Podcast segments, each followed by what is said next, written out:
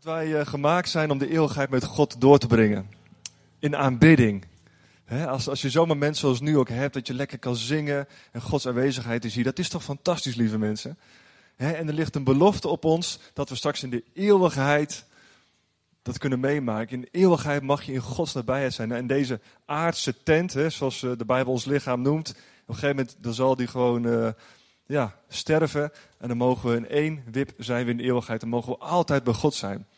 En als je aan het zingen bent, als je in Gods aanwezigheid bent, dan voel je ook van, ja, daar ben je ten diepste eigenlijk echt voor gemaakt. In Gods aanwezigheid te zijn. We zijn niet gemaakt om de hele dag hard te werken. Of de hele dag door Bijbel te lezen. Of de hele dag te Netflixen. We zijn gemaakt om in aanwezigheid van God te zijn. Halleluja. Nou, op deze aarde is dat nog niet helemaal eh, zoals het moet zijn. Hè? we moeten nog eh, een beetje werken af en toe. En eh, andere dingen. Maar we zijn gemaakt voor die eeuwigheid. Dat is zo fantastisch. En weet je, Gods, Gods naam, dat is Yahweh of Jehovah. En dat betekent, ik ben. Ik ben die er zal zijn. Of ik ben die er zijn zal. En dat is Gods belofte. Dus voordat jij en ik hier op deze aarde rondliepen, was God hier al. En nu is hij hier en hij zal er in eeuwigheid zijn.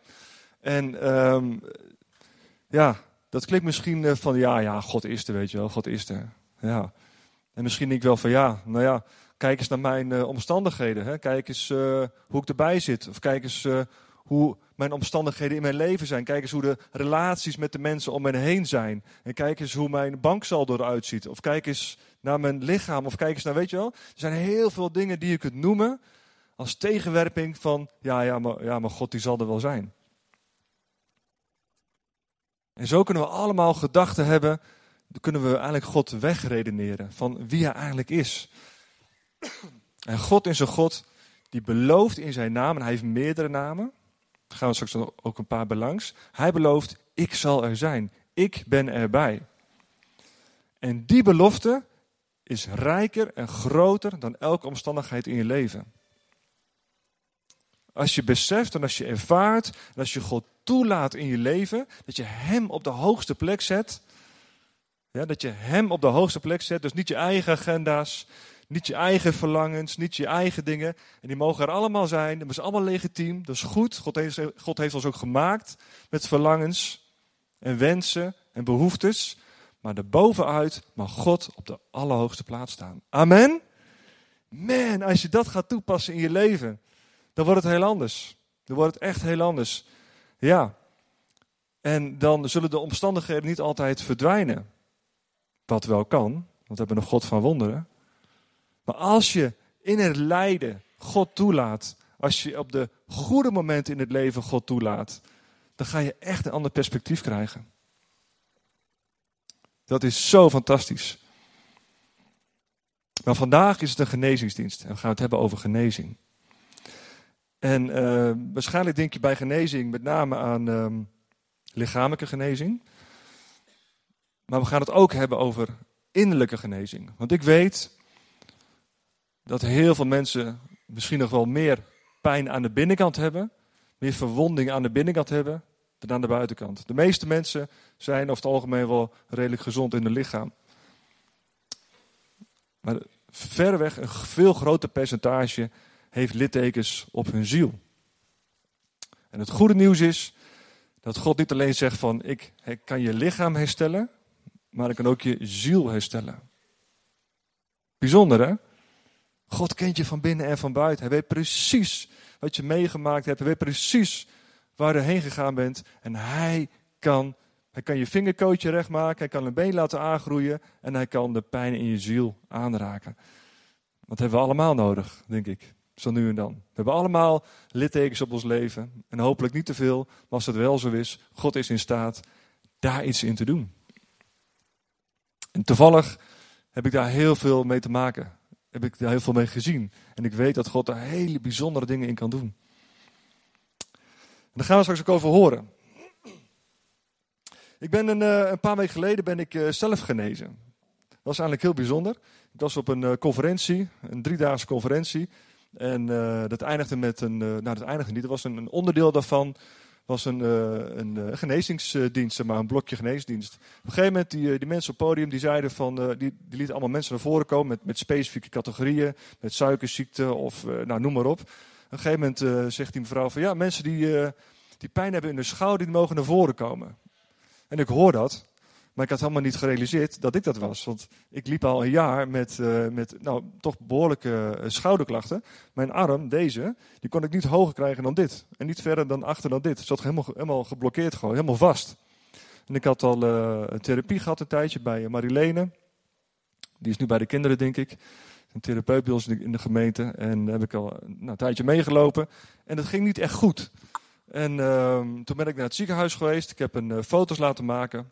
En ze zagen dat daar een ontsteking zat in een, in een pees. Nou, dat was allemaal niet zo leuk. En, uh, en toen gingen ze een, uh, een spuit zetten. Heb je wel zo'n spuit gehad? Zo, nou, dat was. Uh, dat was wat, hè? Ik dacht, nou, gewoon een spuitje, daar hou ik sowieso niet van. Maar die spuit ging wat verder. Die, die spuit gaat dus echt helemaal door je gewrichten heen. En dan moet hij dus tussen je gewrichten komen. En dan moet hij daar dus iets achterlaten. Oh, daar zit jij, Marlene. en ehm, en uh, dan laat hij dus iets van die, van die genezende spul laat hij achter. Maar uh, jongen, ik, ik ben het allemaal niet goed, joh. Dus die, die, dokter die, die kan met die, met die spuit aanzetten. En uh, ik dacht van nou, een klein spuitje. Maar dan ging ze maar doorduwen en verder. Dus nou, ik begon helemaal te spartelen en nou, dat is maar niks voor mij. Dus ehm, het, het had wel iets gedaan. Maar, zegt ze, je moet over zes weken moet je terugkomen. En als het, als het dan niet goed is, dan moet je naar het ziekenhuis en dan moet je onder röntgen, moet je dan die spuit precies door je gewrichten laten gaan. Nou, oh, ik hoopte echt dat het, dat het wat zou doen. Ik hou helemaal niet van, van vaccinaties en ik heb er echt tientallen gehad. Heel veel, maar die, ja, ik, heb gewoon, ik, hou er niet van. Ik hou niet van pijn. Nee, ik hou gewoon niet van pijn. De meeste mensen denk ik niet. Anders gaan we voor je bidden. Maar, uh, dus ik had, ik had al een jaar last van, van, van mijn schouder. En uh, ik had net die week had ik een afspraak gemaakt bij een andere fysiotherapeut. Die, zou me dan verder helpen voor mijn schouder. Maar die oproep die kwam. En, uh, en ik had gewoon helemaal niet gerealiseerd dat ik, dat ik last van mijn schouder had. Dat, nou ja, last, hij was gewoon echt beperkt. En Janneke zegt, hey, je moet, je moet naar voren gaan, weet je. Je moet voor gebed gaan. En dus ik naar voren toe voor, voor gebed. En nou, ik, ik zal eerlijk zijn. Ik was wel een beetje sceptisch. Ja? Ik was wel een beetje sceptisch. Van, nou ja, genezing, weet je wel. Nou ja, ik heb er al jaren last van. Ik ben bij de dokter geweest. Ik heb een spuit gehad. Ik ben fysiotherapeut geweest. Ik was een beetje sceptisch.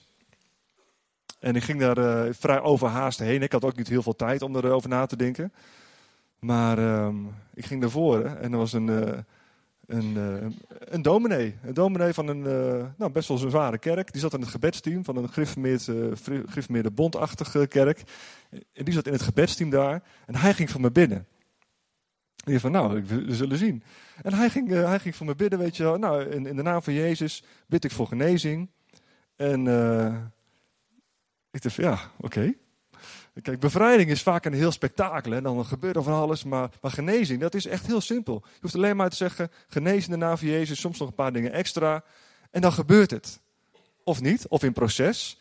En uh, dus hij, hij bad één minuut voor mij. En het is een beetje, ja, een beetje ongemakkelijk. Hè? Dan, heeft, ja, dan sta je daar en dan, uh, dan krijg je nog gebed. Nou, één minuut, ja, zegt, nou ja, ga maar testen. Oké, dan ga ik testen. En ik testen. Ik verdorie. hij doet het gewoon weer. Dat was echt zo apart. Ik heb gewoon een jaar lang die arm niet kunnen bewegen. En in één keer, mijn schouder kwam omhoog, naar achter, naar beneden. Alle kanten op. Ik kon het gewoon niet geloven, weet je wel. En uh, nou, het had hij ook nog van mijn rug gebeden. Daar gebeurden nog allemaal andere dingen. Maar Gods genezing was daar. En eigenlijk was ik er niet goed op voorbereid. En ik weet dat het gebeurt. Ik heb het vaak genoeg zien gebeuren. Ik heb het over gehoord. Maar als het je overkomt, dan sta je wel even raar te kijken hoor. Dan sta je echt raar te kijken. Die, die schouder was gewoon een jaar lang geblokkeerd. Kon er niks mee. Hij zegt, probeer het maar, weet je wel. Nou, en, hij deed het gewoon weer. Maar weet je, ik ben ook niet gek hè.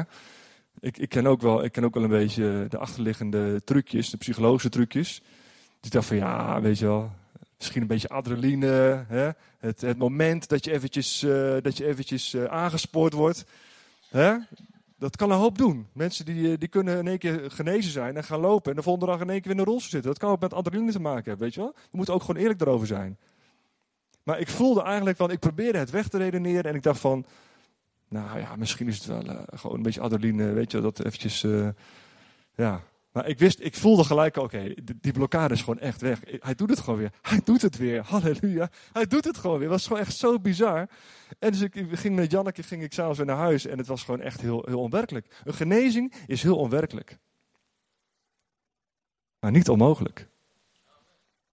Heel onwerkelijk, maar niet onmogelijk. En, um, en zo zijn er nog veel meer van dat soort verhalen. En, en ik, zal je ik zal iets over, over, over Gods naam vertellen nog meer. Yahweh, Jehovah, ik zal er zijn, ik ben die er ben, staat zo'n 7000 keer in, ons, in onze Bijbel. Elke keer als in onze Bijbel Heer staat, dan staat er eigenlijk Yahweh, ik ben die er zal zijn. Dus ten eerste is het goed om te weten, in welke situatie je ook zit, God is bij je. Hij is erbij. Hij is er nu bij. Ja, dat is heel belangrijk om dat goed in je hersenpan op te slaan. Hij is hier. En ook als je straks naar huis gaat, ook als je straks weer in die moeilijke situatie bent, God is daar. Hij is echt dichtbij je. Hij is klaar voor jou. En wat hij dag en nacht doet, en dat is echt waar, hij, is, hij wil zijn liefde laten stromen naar jou toe. Hij is alleen maar gericht op liefde stromen. Hij is liefde. Zijn wezen, zijn kern, zijn identiteit is liefde. Maar soms stromen in die, in die liefde nog meer mee. Soms dan stroomt daar inzichten mee, kennis, zodat je in één keer inzicht krijgt voor dingen. Of soms dan stroomt daar in één keer bevrijding. En soms dan stroomt daar in één keer genezing. Halleluja. En dat gaan we vandaag ook zien. We gaan even naar de eerste slide op de beamer. Dat is uh, Exodus 15. En daar staat: Als u naar de stem van de Heere uw God luistert, hem gehoorzaamt en doet wat recht is in zijn ogen, zal ik u niet laten lijden onder de straffen die ik de Egyptenaren heb gegeven. Want ik, de Heer, ben uw heelmeester. Yahweh Rafa. Ik ben uw heelmeester. Ik ben uw genezer. Dus een van de namen van God is dat hij genezer is.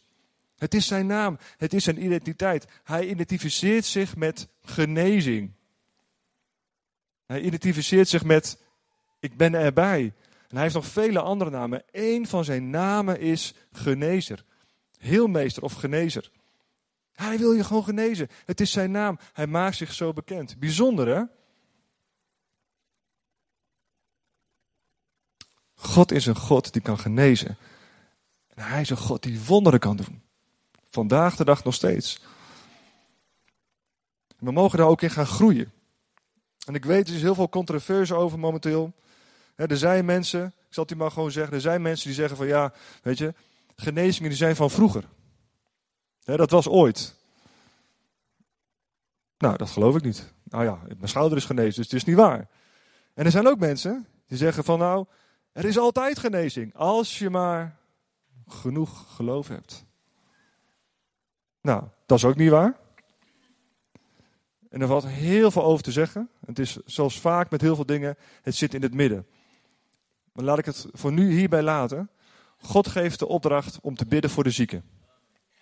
Ja? God zegt gewoon, bid voor de zieken. En dat is wat we gaan doen.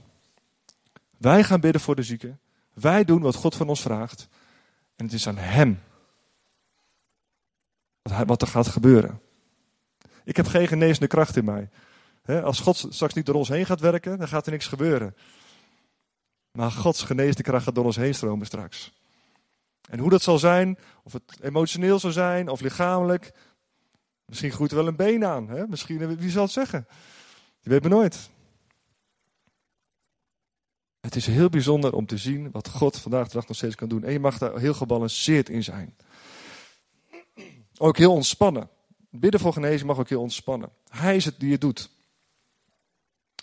We gaan naar de volgende tekst. Jezaja 53 vers 5.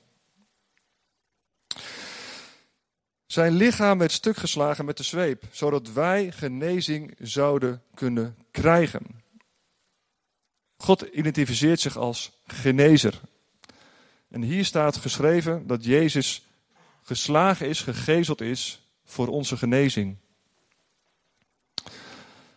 En um, het is niet toevallig een tekst die dan overeenkomt met Jezus' leven. Er zijn 400 profetieën in het Oude Testament die allemaal wijzen naar het leven van Jezus, naar zijn geboorte, naar zijn leven, naar zijn dood en naar zijn opstand. Er zijn 400 profetieën. Nou, ik heb een keer zo'n berekening gezien, wat, uh, wat, uh, wat, de uh, wat de kans is dat al die 400 profetieën op één persoon precies uitkomen. Dat was een enorme grote factor. Maar het is niet toevallig dat Jezus geslagen is voor onze genezing. Dat, er zit een doel achter, er zit een reden achter. Jezus is ook niet zomaar uh, gevangen genomen door de Romeinen, hè, dat, hij, dat hij ten onder is gegaan aan zijn eigen succes. Het is precies zo gegaan zoals God het heeft gepland. En die zweepslagen, die geesteling, die is echt afschuwelijk geweest. Die is er geweest voor onze genezing. En zijn bloed, dat reinigt ons van zonde en kan ook genezing teweeg brengen. De volgende. Voor de mensen die een uh, achtergrond hebben uit een andere kerk, zoals mij, is deze psalm heel bekend, maar hij is echt fantastisch. Loof de Heere mijn ziel en vergeet niet één van zijn weldaden, die al uw ongerechtigheid of uw zonden vergeeft, die al uw krankheden, ziekten geneest, die uw leven verlost van het verderf die u kroont met goede tierheid. Dat is een nooit vaande liefde en barmhartigheid. Wat een, wat een rijke belofte staat hier, hè? Fantastisch. Maar er is ook een opdracht in. Hij zegt ook: onthoud ook wat God voor je heeft gedaan. Vergeet niet één van zijn weldaden. En daar zit ook een sleutel in. Het is bijbels om ook dankbaar te zijn. Waar je nu staat. Je hoeft niet dankbaar te zijn voor de omstandigheden waarin je zit, maar je mag God altijd danken voor heel veel dingen. Alleen al om zijn goedheid, hoe goed God is, mag je hem altijd voor danken. Het is psychologisch. Hè? Als, je, als je een dankbaar leven leidt, zijn ik heel veel onderzoeken, dan gebeuren allemaal processen in je, in je denken. En dan ga je ook allemaal stofjes aanmaken. Als je dankbaar bent, dat helpt gewoon psychisch gezien. Het is ook een mindset die je krijgt. Maar dankbaarheid is ook een opdracht. God verdient alle eer, alle dankbaarheid. En we mogen uitzien naar het tweede deel van die tekst, die al uw krankheden geneest. Die uw leven verlost van het verderf. Nou, mijn leven is verlost van het verderf. En ik weet, velen van ons hier ook. En ik bid en ik hoop dat ieders leven hier vrij wordt gezet van het verderf. Want dat is het doel van Jezus. Tuurlijk wil hij je genezen. Maar hij wil je ook heel dicht bij je hart hebben. Je mag kijken naar de genezing maar belangrijk is de genezer. Goed, we gaan even luisteren naar een mooie getuigenis. Daphne. Deze dienst zit vol met leuke verrassingen. Goedemorgen allemaal. Voor wie mij niet kennen, ik ben Daphne. En uh, ik kom al heel wat jaren in deze gemeente. En ik heb afgelopen jaar een genezing meegemaakt. En dat vond ik zo bijzonder. En ik kan er niet ophouden om daar elke keer maar over te vertellen. Dus ik kreeg weer de kans, ja, graag. dus um, uh, ik zal bij het begin beginnen. Ik zal het niet te lang maken. Toen ik 16 was, heb ik een keer een verkeerde beweging gemaakt. En uh, daardoor is mijn nek vast komen te zitten. Het was niet heel heftig, maar als ik spanning had of... Uh, um, ja, als ik, uh, als ik verkeerd bewoog met mijn nek, dan zat het gewoon weer heel vast hier bovenin. En uh, Afgelopen jaren werd dat steeds erger, ook door mijn werk. Ik moest veel tillen. En um, uh, ik ging op een gegeven moment naar een behandelaar toe. Die masseerde het dan los. En die, nou ja, dat hielp wel wat, gaf wel wat verlichting. Maar het ging nooit helemaal weg. En de last werd steeds erger. In plaats van dat het alleen maar hier in mijn nek vast zat, ging het ook hier in mijn rug, tussen mijn schouderbladen zat het vast. Hieronder zat het vast. Het straalde uit naar mijn heupen. En ik kreeg steeds meer klachten. En ik begon me op een gegeven moment ook zorgen te maken. Zo van, joh, uh, waar gaat dit heen? En op een gegeven moment kan ik gewoon niks meer doen op een gegeven moment. Of moet ik toch naar de dokter gaan? Dus uh, ja, dat was wel uh, moeilijk. En afgelopen maart was er een, een, een, een, gastspreker hier in de dienst. En die ging ook voor genezing bidden. Hij had een heel team met jongeren had hij bij zich. En die gingen dan ook voor mensen bidden. En uh, nou ja, hij zei van, uh, nou, als je ergens last van hebt, kom maar naar voren, ga voor genezing bidden. Nou ja, net als Willem, ik was ook een beetje sceptisch. Ik had niet echt hele hoge verwachtingen, maar ik dacht van, nou, ik ben al zo vaak naar voren geweest voor gebed. Elke keer gebeurde er niks. maar goed, de aanhouden wint, hè? dat wil ik jullie ook echt meegeven. Als je heel vaak naar voren bent geweest voor genezing en je bent nog niet genezen, kom alsjeblieft weer naar voren. Net zolang totdat er wel iets gebeurt, want het is echt een sleutel. Dus ik ging naar voren en een meisje ging voor mij bidden. Echt enorme aanwezigheid van God. Echt, ik stond helemaal in de fik. en uh, nou, ze ging voor mijn nek bidden en het werd een beetje warm. En ik dacht van, oh, dat is bijzonder. Want ik heb wel vaker verhalen gehoord dat als mensen genezen zijn, dat, ze, dat de plek waar zij genezing nodig hebben, uh, bij gebed, dat het dan ook warm wordt. En, uh, maar goed, ik dacht, wat zal wel. Ik ging weer zitten en ja, volgende dag toen merkte ik dat er wat veranderd was. Hé, hey, mijn nek zit niet meer vast. Oh, wauw. En in de loop van de week begon het in mijn rug ook helemaal weg te trekken. De pijn zat ook niet meer vast. Het straalde niet meer uit naar mijn heupen. En het is gewoon helemaal los. Ik had ook altijd zo'n bobbel hier. Hè? Dat weten mensen misschien wel. Soms zie je wel eens van die filmpjes langskomen van als je zo'n bobbel hier hebt, zo'n uitstulping, dan moet je dit soort oefeningen doen. Nou, ik heb alles geprobeerd. ik werd er gek van. Maar die bobbel is dus weg. Het, het, is gewoon echt, God heeft het gewoon echt zelf gedaan. En het is geen adrenaline, want het is nu meer dan een half jaar later en het is nog steeds genezen. Halleluja. God geneest. Halleluja. Mooi, dankjewel Daphne. Goed, we gaan even wat uh, voorbeelden van, uh, van Jezus uh, bekijken. We gaan er kort een aantal belangs. We gaan gewoon eens kijken hoe Jezus dat allemaal deed. En we gaan naar de eerste, die staat volgens mij al. Jezus kwam in het huis van Petrus en zag dat Petrus' schoonmoeder met koorts in bed lag. Hij raakte haar hand aan en de koorts verdween. De vrouw stond op en ging voor hem zorgen. Willem ging naar voren voor gebed. Er werd voor hem gebeden en binnen een minuut deze arm het weer. Zo'nzelfde soort tekst. Ja? Het, is, het genezing is, het is niet een, een enorm spektakel. Je bidt voor iemand en het is, het kan zomaar gebeuren. It just happens. Weet je, het is echt heel, heel apart. En daarom, dat maakt het ook zo spannend. En weet je wat het nog spannender maakt? Als bidders, als je even aan onze kant komt staan. Je hebt er geen invloed op. Je moet gewoon God zijn gang laten gaan en vertrouwen dat Hij doet wat er moet gebeuren. En dat is loslaten. Maar dat gaan we straks doen. Ik ga helemaal los voor God. En dat doen we allemaal van het gebedsteam straks. Nog een, uh, nog een uh, de volgende tekst. En hij zei tegen de man: Steek uw arm uit. De man deed het en zijn verschrompelde hand werd op dat moment genezen. Toen had hij twee gezonde handen. Man, een verschrompelde hand. Ja, bij een koorts kan je nog zeggen van, nou, weet je, koorts, nou ja, weet je dat uh, paracetamolletje. Maar een verschrompelde hand, lieve mensen, ja. Dat is, Jezus die bad voor hem, er gebeurde iets, bam. It just happened. Een verschrompelde hand. En ik vind het, ja, hoe het er ook staat, hè? het staat heel droog hier. Toen had hij twee gezonde handen. ja, sorry, ik vind het gewoon grappig. Het is hartstikke droog. Toen had hij twee gezonde handen. Ja? Dat is hartstikke mooi. En, de volgende tekst, Matthäus 14. Toen Jezus terugkwam, stonden al die mensen op hem te wachten. Hij kreeg medelijden met hem en genas allen die ziek waren. En dat is het karakter van Jezus. Ja? Jezus die heeft bewogenheid over jou. Die heeft bewogenheid over situatie. heeft bewogenheid over waar je in zit. Welke situatie dan ook. Dat komt omdat zijn wezen, zijn karakter is liefde. Hij is bewogen over je. En misschien heb je zoiets van, nou ja, die God die is ver weg. Nou, dat kan soms ook zo zijn, hè.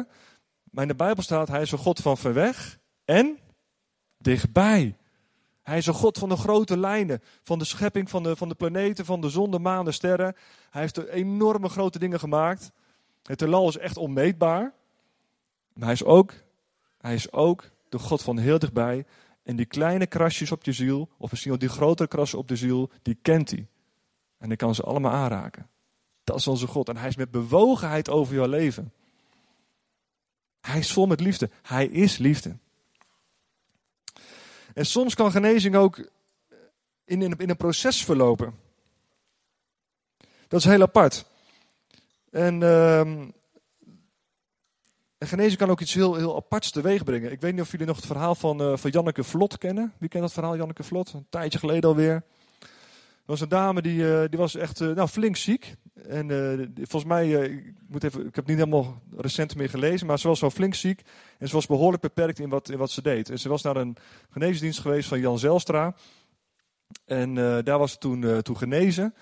En van het een op het andere moment kon zij weer alles. En ze kon in één keer weer lopen, rennen, fietsen, alles kon ze weer. En haar omgeving, die werd daar zo boos op. Die, die, die, die, die wantrouwde haar ook. Die zei van nou, volgens mij heb jij de afgelopen jaren gewoon een beetje te faken, weet je wel.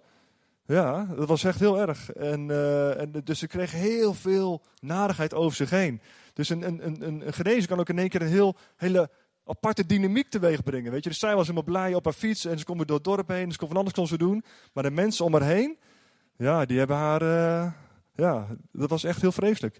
Maar het doet niks af zij was in één keer genezen. Heb je, heb je nog zo'n verhaal? Maar dat is een heel apart verhaal. Dit is het verhaal van uh, Corine, Colleen Doodkorte. Kennen jullie haar? Colleen Doodkorte?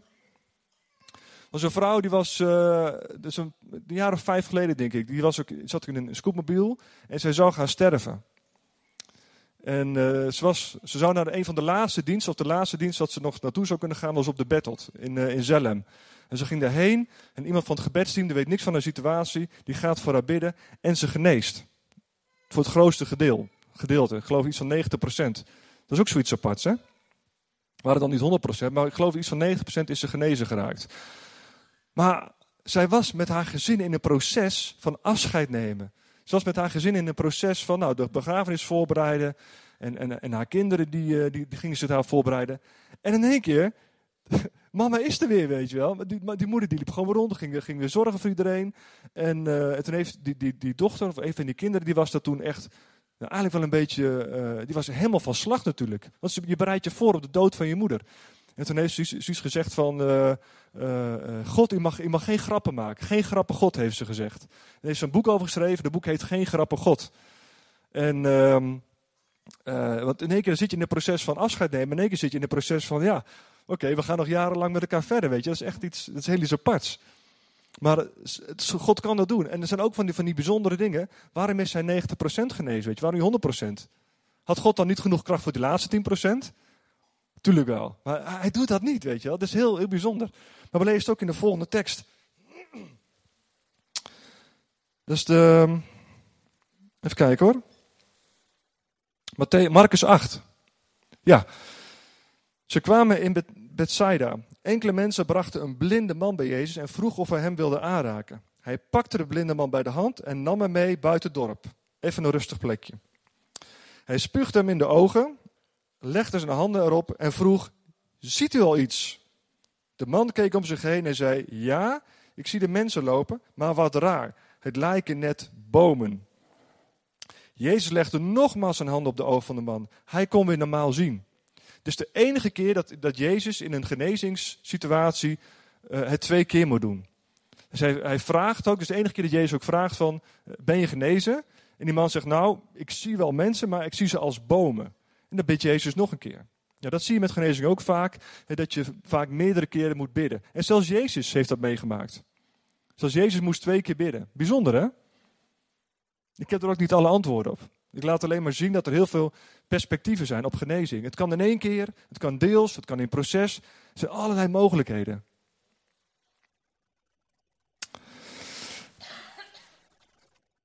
We gaan nog naar een uh, getuigenis luisteren. Christel, where are you? Oh ja, was nog even vergeten te zeggen. Mijn schouder, over, over uh, genezing in delen. Mijn schouder is niet 100% genezen. Dat is ook zoiets. Ik heb nog een, restpijn hieraan. Nee, ik ga die spuit helemaal niet halen. ik heb oefeningen van de fysio gekregen. Gek hè? Dus het, de blokkade is weg en het meeste kan ik weer, maar er zit nog een restje in. Zeg het maar. Maar we gaan gewoon door. Nou, goedemorgen allemaal, ik ben Christel. En uh, God heeft mij in elk geval deels genezen. Ik heb nu anderhalf jaar last van netelroos, chronische netelroos. Voor de mensen die niet weten wat dat is, je hebt 24-7 heel de dag jeuk over je hele lichaam. Zelfs zo erg dat ik er s'nachts wakker van werd, gebroken nachten, uh, waardoor ik nou ja, gigantisch moe werd, ook overdag. En Ja, God heeft mij ervan genezen en ik wil jullie graag vertellen hoe hij dat gedaan heeft. Uh, ik wil beginnen met een stukje Bijbel dat ik die dag gelezen heb. En dat staat in 1 Samuel 1. En voor als er mensen mee willen lezen, dat is vanaf vers 9. en dat gaat over Hanna. En Hanna is al jaren kinderloos. En uh, daar staat, toen stond Hanna op nadat men in Silo gegeten en gedronken had. En nu zat Eli de priester op een stoel bij een deurpost van de tempel. Bitter van gemoed bad zij tot de Heer en zij huilde erg. En ze legde een gelofte af. Ze zei: Heer van de legermachten, wanneer u werkelijk de ellende van uw dienares ziet, aan mij denkt en uw dienares niet vergeet, maar aan uw dienares een mannelijke nakomeling geeft, dan zal ik die voor al de dagen van zijn leven aan de Heere geven, en er zal geen scheermes op zijn hoofd komen. En het gebeurde toen zij lang bleef bidden voor het aangezicht van de Heere, dat Eli op haar mond lette. Want Hanna sprak in haar hart, alleen haar lippen bewogen, maar haar stem werd niet gehoord. En daarom hield Eli haar voor dronken. En Eli zei tegen haar, hoe lang zult u zich nog dronken gedragen? Ontdoe u van de wijn. Maar Hanna antwoordde en zei, nee mijn heer, ik ben een diep bedroefde vrouw. Ik heb geen wijn of sterke drank gedronken maar ik heb mijn ziel uitgestort voor het aangezicht van de Heere. Houd uw dienares toch niet voor een verdorven vrouw, want vanwege de veelheid van mijn gedachten en mijn verdriet heb ik tot nu toe gesproken. Toen antwoordde Eli en zei: Ga in vrede, en de God van Israël zal u geven wat u van hem gebeden hebt. Ze zei: Laat uw dienares genade vinden in uw ogen. Vervolgens ging de vrouw haar weegs. Ze at weer en haar gezicht stond bij haar niet meer als voorheen. Ik voelde mij net als Hanna. Ik had al anderhalf jaar last van jeuk. Ik kon niet slapen. Ik werd gek van de jeuk. En ik zag het gewoon niet meer. Diverse keren is er voor mij gebeden, maar er gebeurde niks. Maar dat laatste vers, dat sprak mij op dat moment zo aan. Dat laatste stukje, ze at weer en haar gezicht stond bij haar niet meer als voorheen. En de uitleg die ik daarbij toen gelezen heb, was ook van hoe erg je ook in je pijn en je verdriet zit, geef het aan God en Hij kan je gemoedstoestand veranderen. Misschien geneest Hij niet, maar Hij helpt je wel om Hem erin te prijzen en te danken. En die dag was ik onderweg naar werk. Ik had dit stukje gelezen. En onderweg naar werk in de auto probeerde ik altijd te bidden.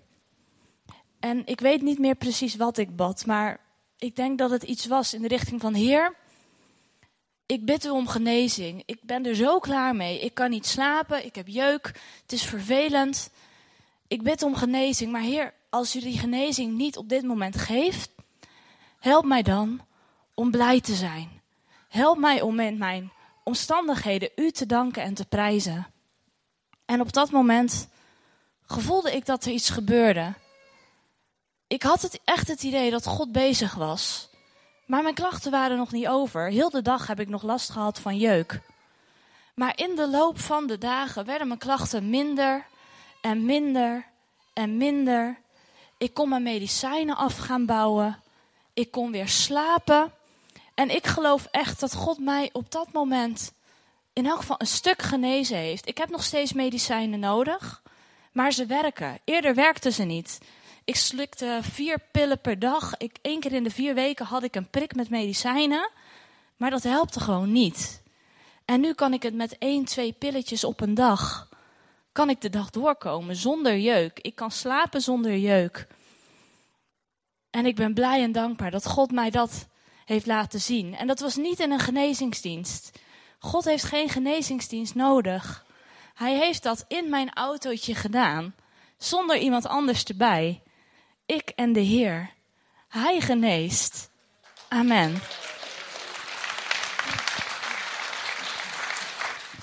Nou, wonderlijk. Wonderlijk. Dankjewel, Christel. Um, bijzondere verhalen zijn dat, hè? Ja, opbouwend. Dan.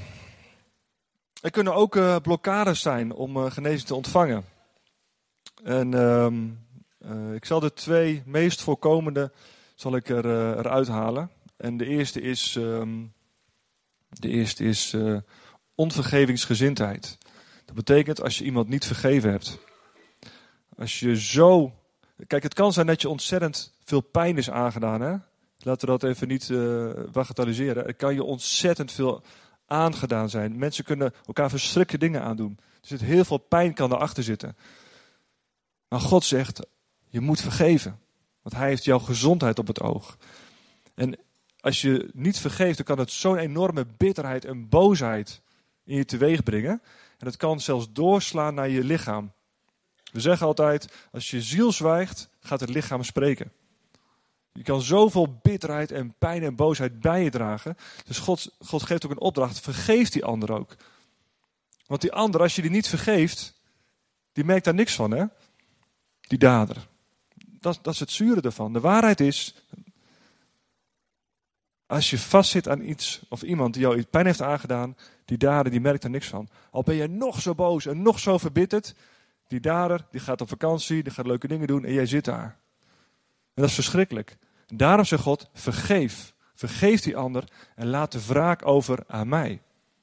Als iemand niet vergeven, dat is, soms dan kun je er echt aan vasthouden en het voelt onterecht om te vergeven. Hij heeft het niet verdiend. Nee, dat klopt. Maar je mag, je mag dat geven aan God. Dus mocht je daar nog mee zitten, er zijn ontzettend veel mensen die ik spreek die daar nog mee worstelen. En wat een bevrijding als je daarvan loskomt. Als je die woorden uitspreekt, ik vergeef hem. Er zit zo'n kracht in. Er zijn zulke sleutels, ongekend. Drie vormen van vergeven. Vergeving voor je eigen zonde mag je vragen aan God. De tweede is jezelf vergeven. Sommige mensen hebben keuzes gemaakt, hebben dingen laten gebeuren of zijn dingen overkomen waar ze zichzelf ontzettend voor kwalijk nemen. Dan mag je jezelf daarvoor gaan vergeven. Je hoeft jezelf niet vast te houden in schuld en schaamte. En de derde is een ander vergeven. En alle drie de processen kunnen ontzettend pijnlijk zijn. Ik kan er nou niet te diep op ingaan. Dan mocht je daardoor getriggerd raken. Dat is mooi. Dat betekent dat er werk aan de winkel is. Dat God wil dat je hier iets mee gaat doen. Ja, ik gun je dat je loskomt van, je, van de dader of wat er gebeurd is. Dat is echt een zegen voor je als je loskomt daarvan. En als je, als je begrijpt wat vergeven inhoudt, dan wil je het ook. Alleen als je dan niet goed uitgelegd hebt gekregen, dan denk je van ja, maar als ik hem vergeef, dan, dan komt hij daar weg. Nee, zo is het niet. En het is ook zeker niet van nou, zand erover, daar hebben we het niet meer over. Nee, dat doen we ook zeker niet. Vergeven is het recht op wraak loslaten en aan God geven. En dan kan de genezing pas beginnen. De tweede blokkade die je kan zijn, is als je leeft in zonde. Leven in zonde. We preken niet zo heel veel meer over, maar zonde is wel degelijk een probleem voor God. Zelfs zo'n groot probleem dat hij zijn zoon naar deze aarde moest toesturen. Als wij, als wij dingen verkeerd doen, dan, dan verdwijnt dat niet, dan blijft dat bestaan. Totdat we vergeving vragen. Iedereen van ons die zondigt. Ik ook. Maar het verschil zit hem in of je met Jezus leeft en je zonde opruimt. Het liegen, bedriegen, stelen, seksuele onreinheid, verslavingen, noem maar op. Als je met Jezus leeft en je vraagt er vergeving voor, is er geen veroordeling. Dan ziet God jou als rein en heilig. Maar als je niet met Jezus leeft en je hebt een losbandig leven op welk vlak dan ook, of je leeft in zonde op welk vlak dan ook, dan kan dat, kan dat je genezing bemoeilijken. Dat kan. Dus dan is het zaak om de boel op te ruimen. Amen. Kan naar Jezus toe zeggen, Heer, ik heb gezondigd. Ik wil vergeving vragen. En weet je wat hij dan zegt? Graag. Graag. God staat klaar om je te vergeven. Dat moet wel gebeuren. Dat moet, dat moet tussen jou en hem opgeruimd worden. Denk maar aan als je, een, als je getrouwd bent of als je een goede vriend of vriendin hebt. Als daar een ruzie is geweest, als daar iets, iets geweest is, dan kun je niet de volgende dag weer gewoon lekker met elkaar op stap gaan. Je voelt, er zit iets tussen, toch? Je weet, er moet iets, er moet iets opgelost worden. En dat is ook tussen jou en God. Als je in de zonde leeft, breek ermee, Ga naar Jezus toe. Het kan die genezing echt beïnvloeden. Het kan.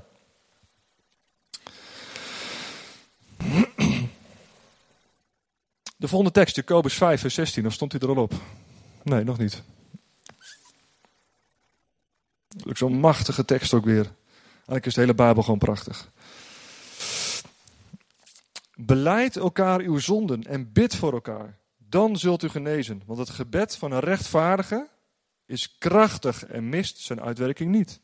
Een rechtvaardige is iemand die zijn zonde heeft opgeruimd voor God. Die met God leeft. Rechtvaardig is iemand die met Jezus leeft, in zonde valt, vergeving vraagt en weer doorgaat. Dat is een rechtvaardige. Wij mogen leren om elkaar onze zonde te beleiden als het nodig is. En het gebed van de rechtvaardige zit kracht. Nou, halleluja. En zeker of er kracht in zit. Dan zijn we bijna het einde gekomen van deze preek. Wil ik jullie een hele mooie video laten zien. En uh, ga er even lekker voor zitten en laat diep doordringen wat daar allemaal gezegd en gebeurd wordt. En laat het je denken over genezing ook uh, raken. Want het is een hele mooie video. En beelden zijn krachtig, hè? Beelden zijn heel krachtig. En daarom zitten we ook de hele dag op ons telefoontje. Dat beelden zo krachtig zijn. Maar positieve beelden hebben een positieve uitdrukking. Ga maar kijken.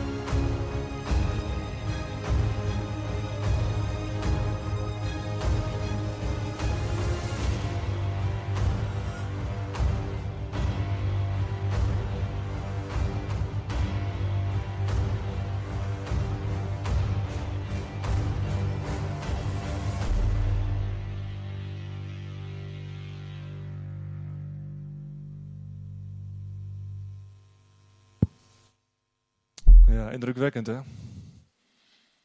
Ongelooflijk. Ja, dat is onze Jezus. Genezing is niet goedkoop, lieve mensen. Genezing is niet goedkoop. Mag de band alvast naar voren komen. De laatste tekst. Johannes 7. Als je dorst hebt, kom dan bij mij om te drinken. Er staat geschreven dat stromen van levend water uit je binnenste zullen komen als je in mij gelooft. En de uitnodiging is: heb je dorst, dan mag je komen. Wil je meer van Jezus in je leven, dan mag je komen. Wil je genezing ontvangen, dan mag je naar voren komen. Of het nou is voor rugpijn, hoofdpijn, als de innerlijke genezing is, bevrijding. Vandaag krijg je een, package deal. We willen voor alles bidden. We willen echt voor Gods troon gaan pleiten. We willen voor je zijn en je bij Gods troon brengen. En de God de gelegenheid geven om je aan te raken met zijn liefde en met zijn kracht. Amen. Zullen we gaan staan, lieve mensen. We gaan zo een eh, lied zingen. Als je gebed wil, dan kom je naar voren. En daarna zal de worship uh, zal een lange tijd gewoon lekker gaan bidden. Dus als je gebed wil, dan kom je lekker naar voren toe. En als je zegt van nou, ik zit er ook goed, dan blijf in Gods aanbidding, blijf God zoeken. En we gaan een lange tijd van worship tegemoet. En daarna zal Daphne zal de dienst gaan afsluiten en we zullen gewoon kijken hoe het loopt. Ik zal er geen eind aan verbinden. Maar we gaan nou veel tijd nemen dat iedereen die dat wil, gebed heeft gehad. Ja, we gaan een lied zingen. En dan uh, mag gebedsteam alvast gaan staan. En dan mogen de mensen die het gebed willen naar voren gaan komen. Blijf gericht op Jezus, ook als je in de zaal zit. Ga niet lopen kletsen. Blijf gericht op Jezus. En dan bid Hem en verwacht het van Hem. En zegen ook wat hiervoor gebeurt. Het is een heilig moment. Ja, we gaan mensen vol Gods troon brengen. En God gaat mensen aanraken. En je weet helemaal niet hoeveel pijn mensen bij zich meedragen. Je weet helemaal niet wat voor ziekte, wat voor last, wat voor emotionele dingen ze bij zich dragen. Daar weten we helemaal niks van. dus laten we in eerbied hier blijven als je hier zit en die mensen zegenen. Dat Gods kracht gaat stromen. Want Hij is hier. We gaan lekker bidden.